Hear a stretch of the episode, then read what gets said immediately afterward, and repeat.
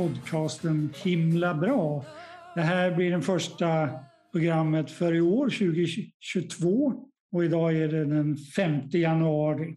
Och vi ska sitta och prata här, Viktor och jag, som befinner sig i Kristianstad och jag befinner mig i Tyringe. Så vi är i norra Skåne som vanligt. Och idag tänkte vi prata lite om en konflikt här i Europa, nämligen konflikten mellan Ukraina och Ryssland. Vad det kan innebära och eh, hur det kan påverka Sverige, om det finns några tänkbara lösningar på det här. Vad eh, har du för funderingar, Viktor, över den här Ukraina-konflikten? Ja, först vill jag säga hej till alla som lyssnar hemma. Uh, och jag hoppas att ni alla mår bra och att ni alla är friska. Jag önskar er ett uh, gott nytt år. Uh, för idag också kommer jag att prata engelska om det går bra. Yeah, so this Russia-Ukraine conflict is something that I've um, heard about and I've seen on the news uh, quite a few times, but I've never really understood what is uh, going on and and why everything that's happening is happening. Uh, so I did a little bit of research about this uh, whole situation and what's been going on. I've uh, uh, read some articles and read a little bit about the history uh, behind all of this. But it still feels like there's a lot that I'm missing and uh, a lot that I would like to learn about. And for all our listeners at home, who are in the same boat as me and want to learn a little bit more about this and understand what it is that is going on. Can you explain to us a little bit about what this uh, conflict is about and what is actually happening right now? Ja, jo, det, det är ju en eh, konflikt som eh, är lokal naturligtvis, men som påverkar den globala situationen. Därför att både Ryssland och USA är ju eh, indragna i det här. Och det gör ju att hela eh, världssituationen påverkas. Eh, det man först ska säga är att det pågår ju faktiskt ett vi kan kalla det småskaligt krig i östra Ukraina. Det finns ju separatiststyrkor stödda av Ryssland som eh, är i militär, eh, det förekommer strider eh, längs en, en, en linje där som delar östra Ukraina, en i en mer ryssvänlig del om man ska kalla det så, och en som tillhör själva regeringssidan i Ukraina. Så det, det är redan en, en, konflikt. Men den är ju väldigt låg skal, det är liksom lite skottlossning här och var. Men eh, det, har, det har flammat upp tidigare men det är ganska lugnt just nu. Vad som har gjort det mera brännande är det faktum att Ryssland har samlat en hel del trupper med tanks, artillerier och helt, som gör det åtminstone teoretiskt möjligt, militärt möjligt för Ryssland att invadera Ukraina om de skulle vilja det. Och det där har ju satt saken på sin spets, kan man säga. Wow, that is a really a lot that's um, happening. Um, can you tell us a little bit about when everything started and how long uh, this whole situation has been going on for? I'm very uh, curious to learn more about the history behind this whole conflict.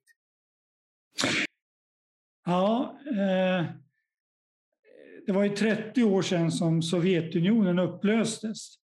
Eh, Kommunistregimen föll och eh, resultatet var ju då att många republiker, Sovjetunionen var ju formellt en union eh, utav många olika republiker och republikerna, sättet för, det var en maktkamp, man kommer ihåg för 30 år sedan, mellan Gorbatjov som var president över hela Sovjetunionen och Jeltsin som var president över den ryska federationen.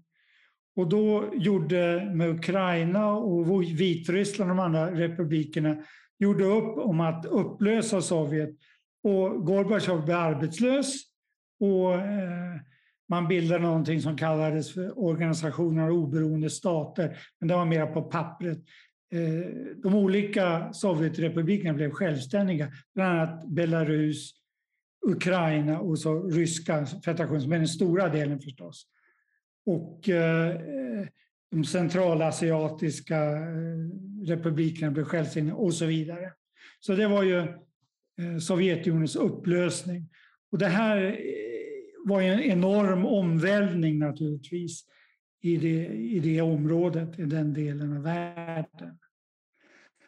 Och länge var ju Ryssland, Belarus och Ukraina, de jobbade ihop. Eh, de gamla banden eh, var kvar. Det är ofta personer som hade haft maktpositioner i gamla Sovjet, de var kvar i Belarus och i Ukraina.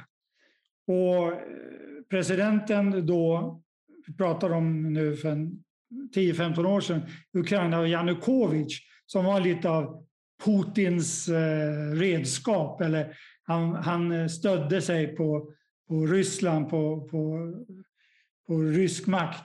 Men då, då kommer det som ändrar hela situationen. Det var ungefär 2014 det blev stora demonstrationer i Kiev, Ukrainas huvudstad. Eh, det finns ett stort torg som heter Majdan. Man pratar om Majdanupproret, stora folkmassor samlades. Polisen var inte så intresserad av att gripa in därför att det var ett stort missnöje med regeringen. Och president Janukovic flydde. Han lämnade makten och sen blev det val och så blev den nuvarande presidenten Zelensky vald efter ett tag. Och då, eh, 2014 då, när den här omvälvningen skedde, då började Ukraina prata om ja, vi vill gärna gå med i EU och på lång sikt gå med i NATO. Och det eh, upplevde ju eh, makthavarna i Ryssland som väldigt eh, farligt. Och de frågade sig, redan nu så det gamla eh, Sovjetimperiet, så att säga, Östeuropa hade ju försvunnit. Polen och Rumänien och så vidare hade gått med i Nato. Även de baltiska republikerna. Och vad då? Ska nästa steg Ukraina och sen då eh, traditionella roll som den stora makten i öster eh, var hotad? Och Putin sa nyligen förresten att om Nato ska utsträcka sig längre och längre, vad är, vad är målet för de här NATO-kretsarna i Västeuropa? Vill de att hela Ryssland ska upp, upplösas? Vill de att Ryssland reduceras till att bli det här furstendömet Moskva som existerade för 500 år sedan? Är det, är det Natos mål? Så att det, finns en genuin eh, oro i Ryssland att Nato steg för steg vill, vill Eh, plocka ner Ryssland. Och det är inte så avlägset eller så omöjligt som man kan tro. Under 90-talet, eh, under Jeltsin, så började faktiskt en viss upplösning. Moskvas inflytande eh, eh blev eh, liksom ifrågasatt ute i, i avlägsna delar av Sovjet. Rådsrepubliken Jakutien, som nu heter något annat, jag kommer inte ihåg vad. På den tiden, slutet av 90-talet, då började en egen utrikespolitik. Och det där, eh, naturligtvis, när, när, Putin kom, det första var att, att samla tillbaka centralmakten i Moskva och såg till att det hölls ihop. Och det där är vi måste ha det i tanken i bakgrunden. Det finns en genuin rädsla i Ryssland att Ryssland ska eh, spricka, så att säga. Att den, den kommer att, separeras olika republiker. Och de känner att är det här som Nato vill? Och det verkar ju som det. För de flyttar fram sina positioner. Och sen hände det här i Ukraina och så för ett par år sedan så började ju uppror i Belarus, eller demonstrationer. Lukasjenko blev nervös, sprang till Moskva, fick stöd där ryska poliser skickade dit för att lugna ner stämningen om man kan uttrycka så, slå ner de här demonstrationerna. Så att eh, det här är liksom bakgrunden. Och och, och så, återigen, det finns tendenser att ryssarnas oro är inte obefogad. 2014, alltså precis när det här hände i Ukraina, att Ukraina började bryta sig loss från det ryska inflytandet, så hade man ett möte med utrikesminister från Sverige, Polen och Ukraina i Poltava. Eh, Poltava, Eh, det var ju där, där svenskarna förlorade mot Ryssland i maktkampen om Östeuropa under Karl XII eh, 1709. Så Putin, han hörde det här mötet i Poltava, så sa han, aha, svenskarna vill ha revansch för Poltava. Det har ju bara gått 300 år, sa han. Så jag, jag förstår det. Jag kan förlåta svenskarna, sa han. Men jag kan inte förlåta polacker och Ukraina. Jag tror de har eh, dolska planer. Eh, den här kommentaren var ganska rolig för att eh, visa att Putin och ryska ledningen tänker ofta väldigt långsiktigt. De ser historien som levande, kanske mer än vad många statsmän i väst gör. Oh, I see. That that's a very long history. There's really a lot to unpack there, and it's uh, it's very interesting. I find it quite intriguing to hear about how uh, Russia or Putin specifically thinks about uh, current situations and how he links it to a bigger picture that is connected to centuries and centuries of uh, history. Now, the current conflict that's been happening right now has been happening for a while. I remember hearing about uh, Ukraine Russia conflict uh, in the news um, a few years ago. Uh, but then everything seemed to have somewhat calmed down.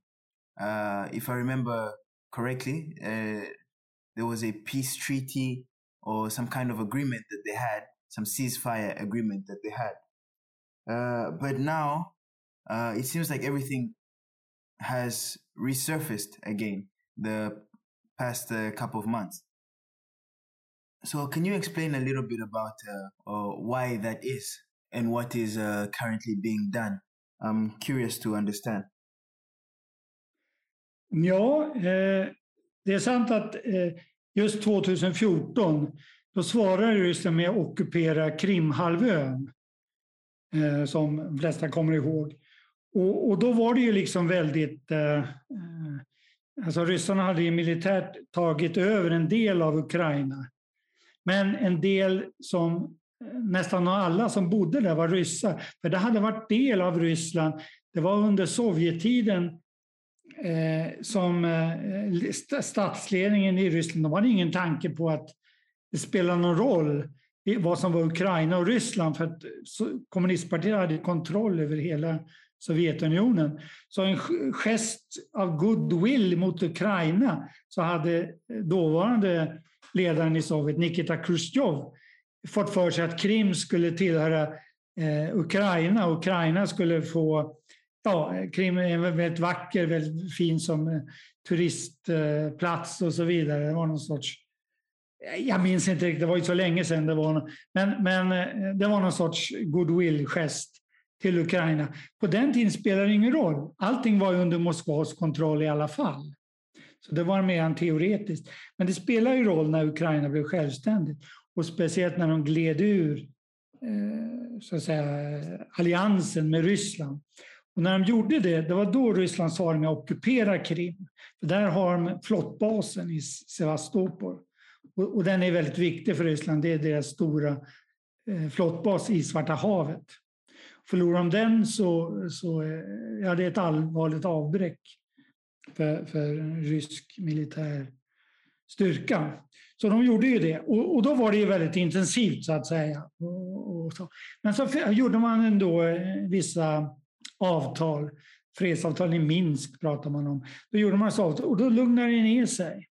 Men på senare tid så har då eh, kretsar både i Natos europeiska del och eh, nationalister i Ukraina eh, återigen börjat prata om att Ukraina Eh, borde bli medlem av Nato och sådär. Och det var då Ryssland svarade med att skicka trupp till gränsen.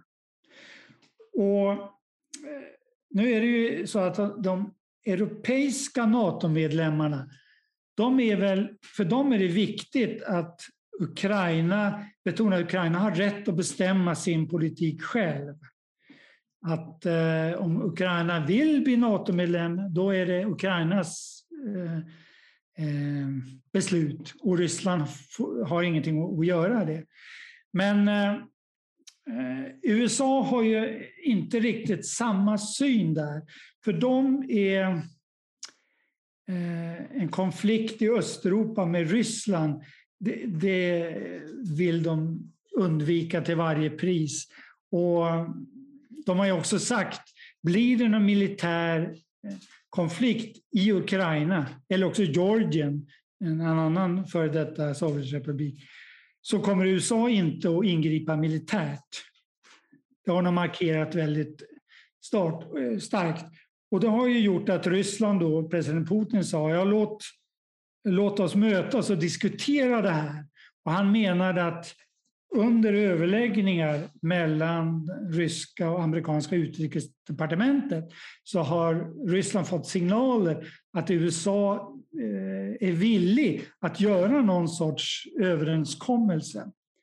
För att Putin och Biden de möttes ju i Schweiz eh, för ett halvår sedan, om vi kommer ihåg. Och då konstaterade bland annat det som de flesta håller med om. Om USA och Ryssland samarbetar, då kan nästan alla världens problem lösas. Men om de inte samarbetar, då blockeras nästan alla andra lösningar också. Och, det ligger mycket i det. Och just därför är ju USA har ju, när Sovjeten upplöstes, amerikanerna gjorde aldrig någon hade aldrig någon riktig plan hur Eh, Ryssland och Amerika i fortsättningen skulle samarbeta. Det blev lite löst. Eh, Clintons presidentperiod var lite misslyckad på det sättet, för han prioriterade inte det.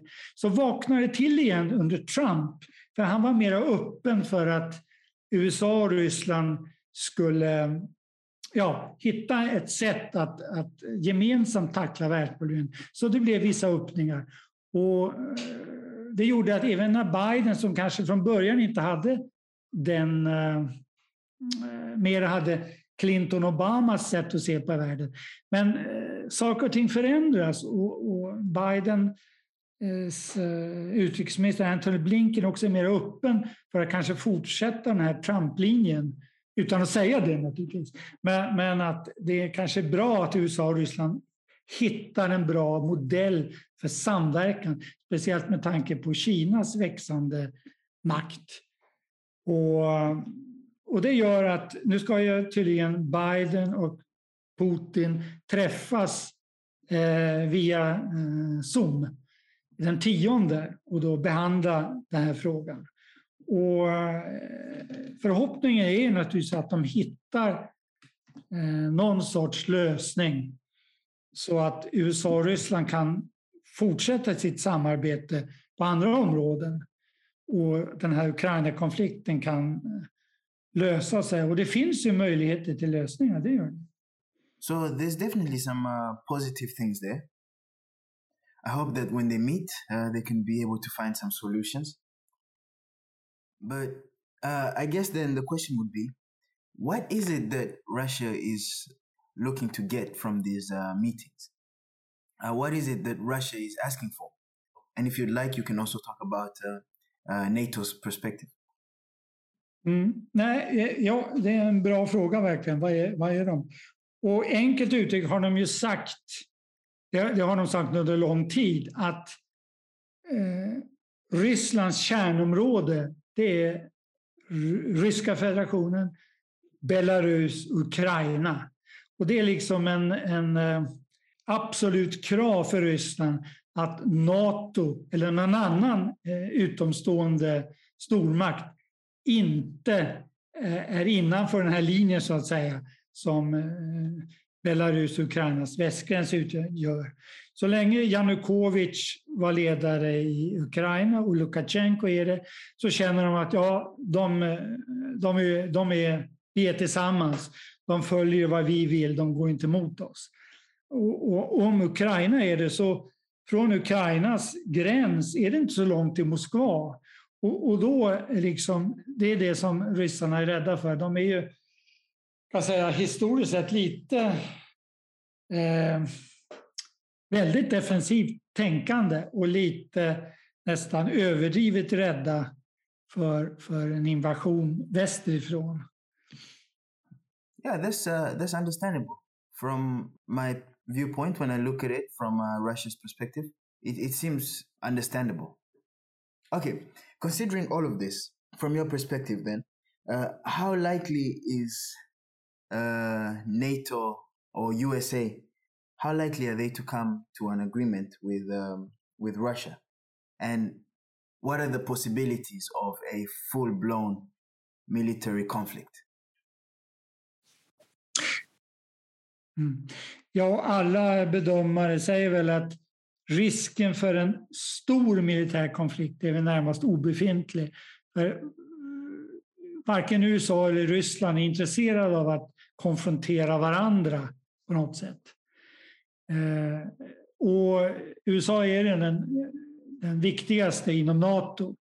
Om USA inte tänker militärt gripa in, oavsett vad Ryssland gör, så är det svårt att tänka sig att någon NATO-medlem i Polen eller sådär på egen hand skulle försöka någonting.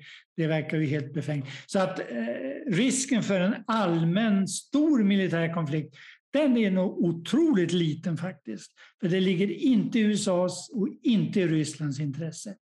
Men eh, om konflikten inte löses, risken är framförallt då att USA och Ryssland får svårt att på andra områden ha förtroende för varandra. Och för Ryssland, det här är så att säga, det är inte förhandlingsbart. Nato i Ukraina, eller NATO-trupper i, Ukraina, det, det, det kommer de att göra allt för att stoppa. Eh, inte naturligtvis ett krig mot USA. Men USA har ju också väldigt klart markerat att de tänker inte eh, rycka in i Ukraina. Även om Ryssland ockuperar Ukraina kommer eh, USA inte göra något militärt. Där kommer de att göra kanske andra åtgärder, ekonomiska sanktioner och så vidare. Men eh, eh, så, så det är utgångsläget. Eh, Ryssland kan, kan, kommer inte acceptera att Ukraina går sina egna vägar så att säga, utan de Eh, för dem är det viktigt att Ukraina är del av eh, ja, den ryska intressesfären om man ska uttrycka det så. Oh, right, right.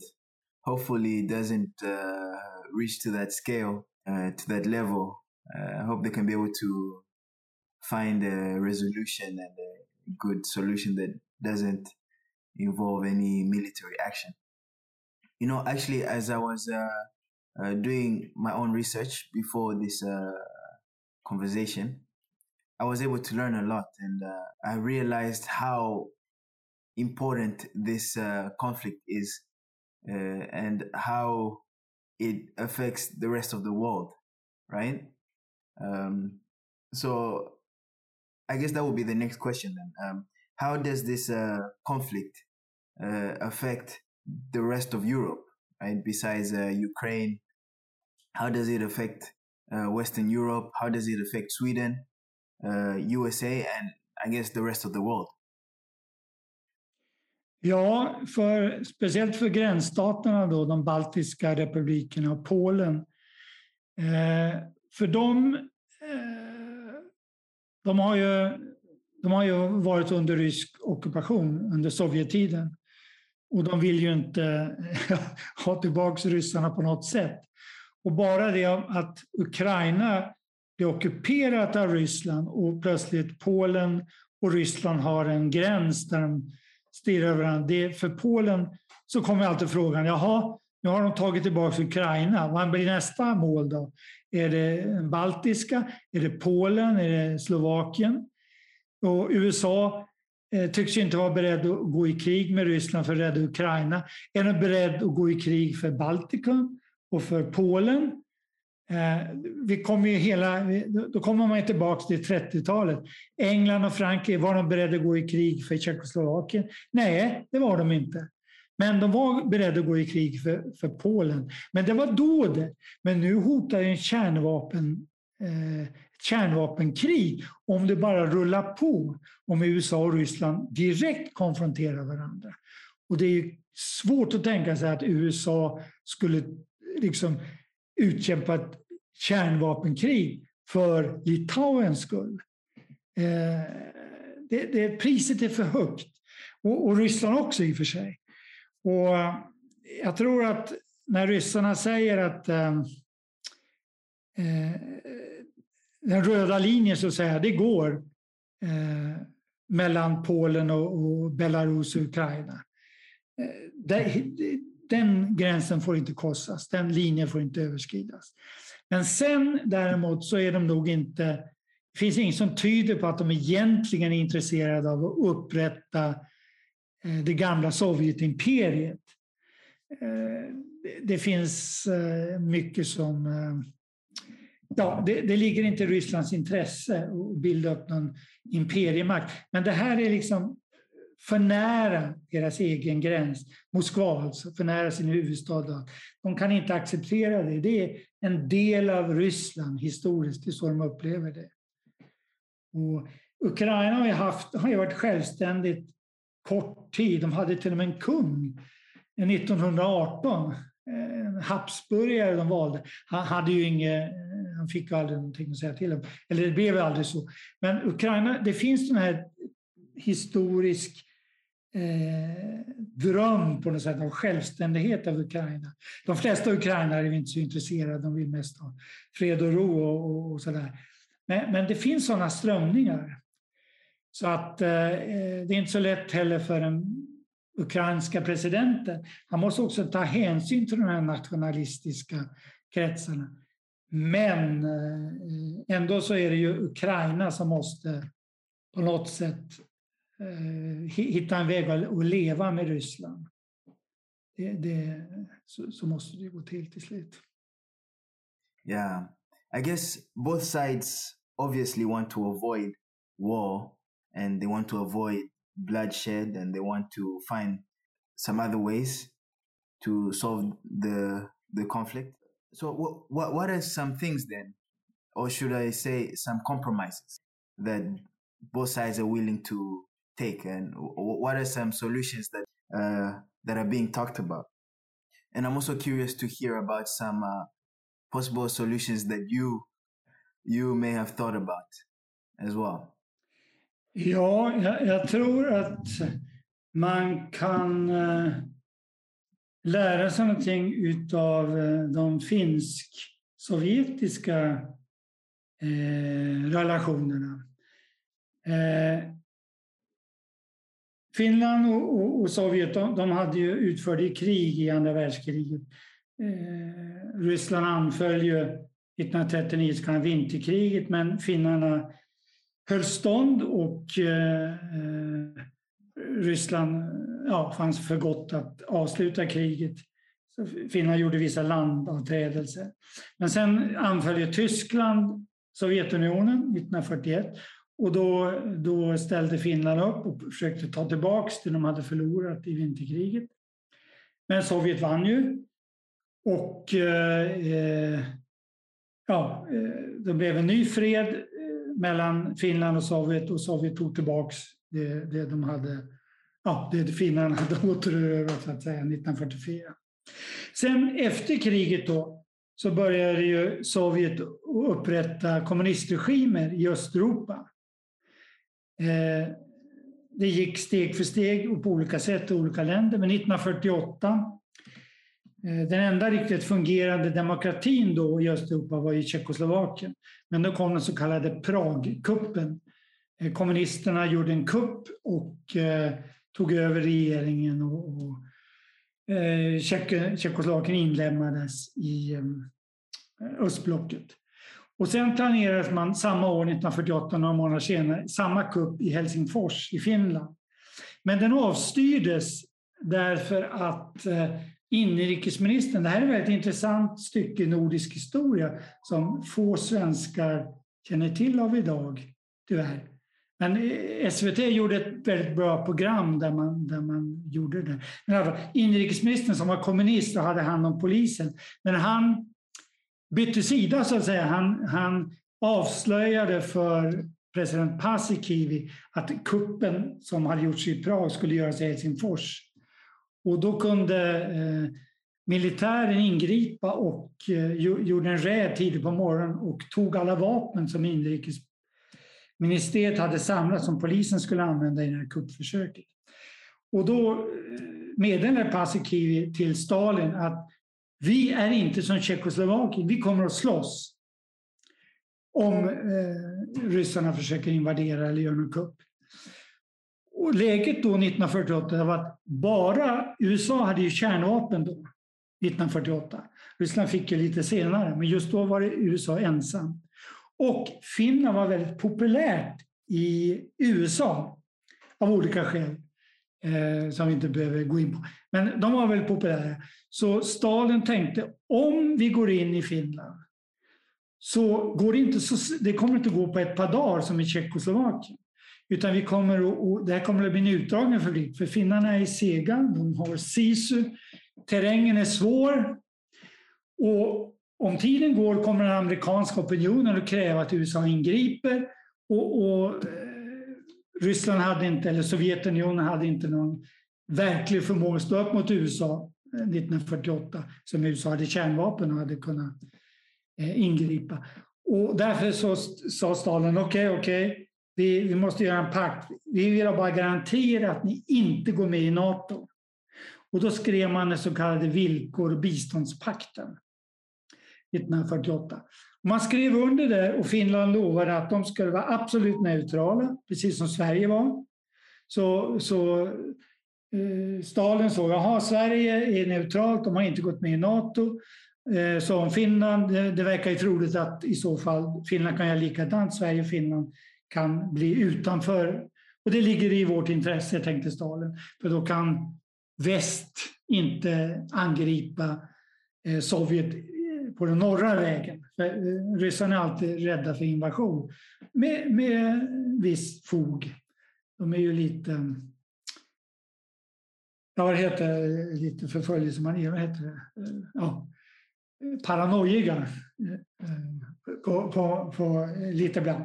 Så att då gjorde man den här pakten. Och det här skulle kunna tjäna som modell. Om president Zelensky i Ukraina kan med Putin göra någon sorts pakt där eh, Nato, eh, de europeiska medlemmarna av Nato de säger att det är så viktigt att, att eh, Ukraina bestämmer själv. Men om Ukraina bestämmer själv att de inte ska gå med i Nato och gör en sån här pakt som Finland gjorde så är det mycket troligt att det är någonting, kan vara en kompromiss. För då får Ryssland garantier att det, och USA säger ja det är jättebra förslag. Vi stöttar Ukraina i det här och vi kommer att ta bort eh, sanktionerna mot Ryssland i och med att den här konflikten nu är ur vägen, bla bla bla. bla, bla. Så det är en möjlighet att komma ur det här låsta läget. Så vi får väl se. Och det är viktigt av en annan skäl. På grund av de här demonstrationerna i Ukraina som gjorde att Janukovic flydde och sen de här i Belarus så var, blev naturligtvis makthavarna i Moskva rädda att eh, oppositionen i Ryssland, där Alexej Navalny är den mest kända, man försökte mörda honom och sen satte man in honom i fängelse. Bland annat därför att Finlands president sa till Putin att eh, gör inte om det här mordförsöket. Det skulle ses väldigt illa ut i väst. Så om ni vill ha någon sorts eh, eh ja, förhandling och sånt där så eh, stäng inte vägarna.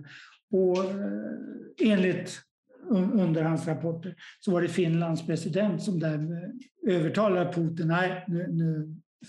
Men samtidigt så har ju ryska polisen fortsatt att stänga och förbjuda vissa organisationer så att samhällsklimatet i Ryssland har ju hårdnat.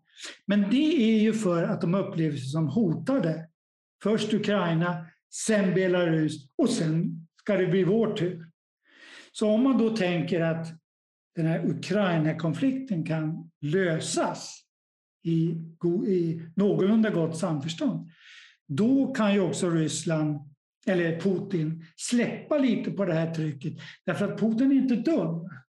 Han vet att han tillät ju länge en opposition att verka. Det var ju just när den här Ukraina-konflikten då de började få kalla fötter i Kreml.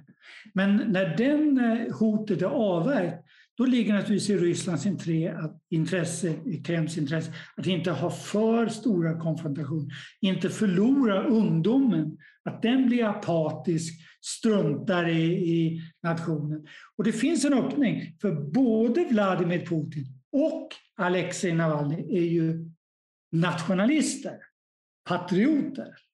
De, de eh, brinner för Ryssland bägge två.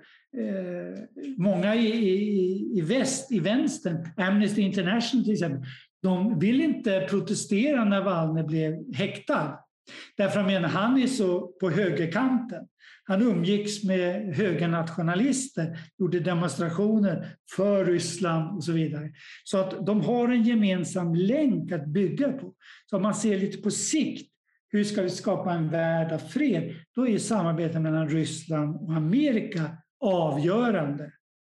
Och Ryssland måste ju då bli mera demokratisk. Annars är det svårt för amerikanska opinionen att acceptera eh, Putins regim. Så att eh, om Ukraina-konflikten kan lösas kan det få många följdverkningar, kan man tänka. Ah, wow, that's uh, there was a lot to unpack there. Really, a lot to unpack.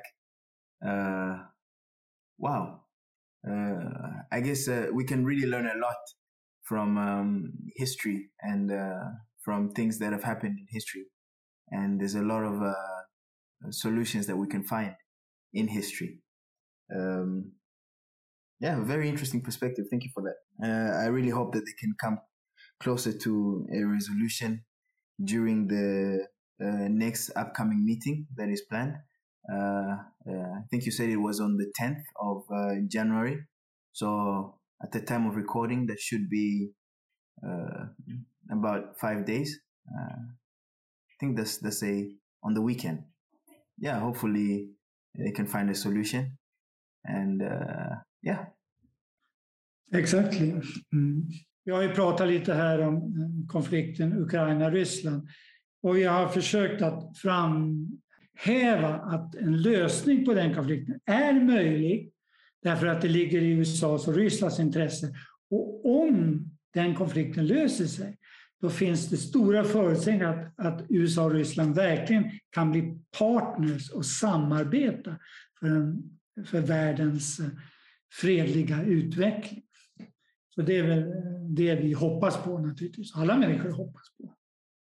Ja, Ja, det får vi väl avsluta dagens ehm, program här och jag hoppas att ni eh, lyssnar igen i nästa program. Det ska inte dröja så länge när vi fortsätter att ta upp aktuella händelser.